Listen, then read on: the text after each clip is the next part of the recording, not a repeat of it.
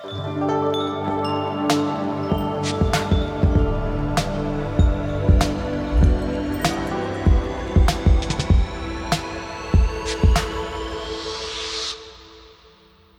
رح نكون عم نحكي عن الفرق بين الطبيب النفسي والمعالج النفسي وأي متى لازم نروح عند طبيب أو معالج نفسي. الفرق بين الطبيب والمعالج هو أنه الطبيب بيكون مختص بالطب العام وبيكون مختص بالطب النفسي يلي هو بيكون حاصل على شهادة بالطب ومكفي بالأمراض النفسية والعصبية وبيكون آه، عنده صلاحية أنه هو يشخص الحالات بحسب أكيد الدقسام ويوصف أدوية للأشخاص. أما المعالج النفسي فهو الشخص يلي بيكون دارس سايكولوجي أو علم نفس وبيكون حاصل حاصل على ماجستير بعلم النفس العيادة ليكون نفساني عيادة وحاصل على رخصة من وزارة الصحة يلي هو بيكون هون بمجرد نفساني عيادة وبالتأكيد المفروض أنه هو يكون مكفي متخصص على الأقل لمدة أربع سنوات بتقنية علاجية معترف فيها عالميا وبالإضافة ليكون متلقى كمان ساعات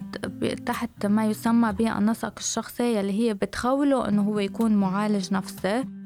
المعالج النفسي هو يلي بيكون أكتر عم يسمع للشخص عم بي بيسمع للمآزم النفسية اللي هو تعرض لها الشخص بمختلف مراحله العمرية بيشتغل على العلاقات الأسرية للشخص علاقاته الزوجية على ثقة الشخص بنفسه بيساعده على يكون إنه يكون عم ياخد قرار بحياته. أما الطبيب النفسي فهو يلي بيكون عنده صلاحية إنه يوصف الأدوية للأشخاص يلي هي بتكون أكيد مفيدة لعلاج حالات الصحة النفسية. أكيد المعالج النفسي ما بيقدر إنه هو يكون عم يوصف دواء للمريض لأنه هيدا الشيء مش من صلاحياته ولا من ضمن اختصاصه وإنما آه، هو يلي بيكون عم بحول للطبيب بالحالات يلي بتكون عم تجي لعنده خاصة إذا كان في عندهم محاولات للانتحار أو أفكار للانتحار القلق الشديد اللي بيكون في عندهم هلوسات أو أي أعراض بشوفها المعالج أنه هو الشخص بيكون بحاجة لعلاج دوائي مترافق مع جلسات العلاج العلاج النفسي أكيد هو المفروض يكون عم بيحول كمان للطبيب ليكون على المريض عم ياخد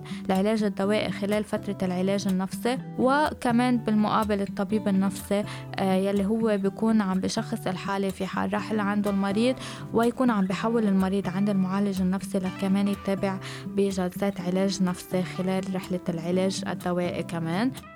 المعالج النفسي والطبيب النفسي آه، اثنيناتهم بيحملوا شهادات لها علاقة بالصحة النفسية ولكن كل حدا في له مهام معينة بحسب تخصصه. بالحلقة الجاي رح نكون عم نحكي شو يعني المرض النفسي.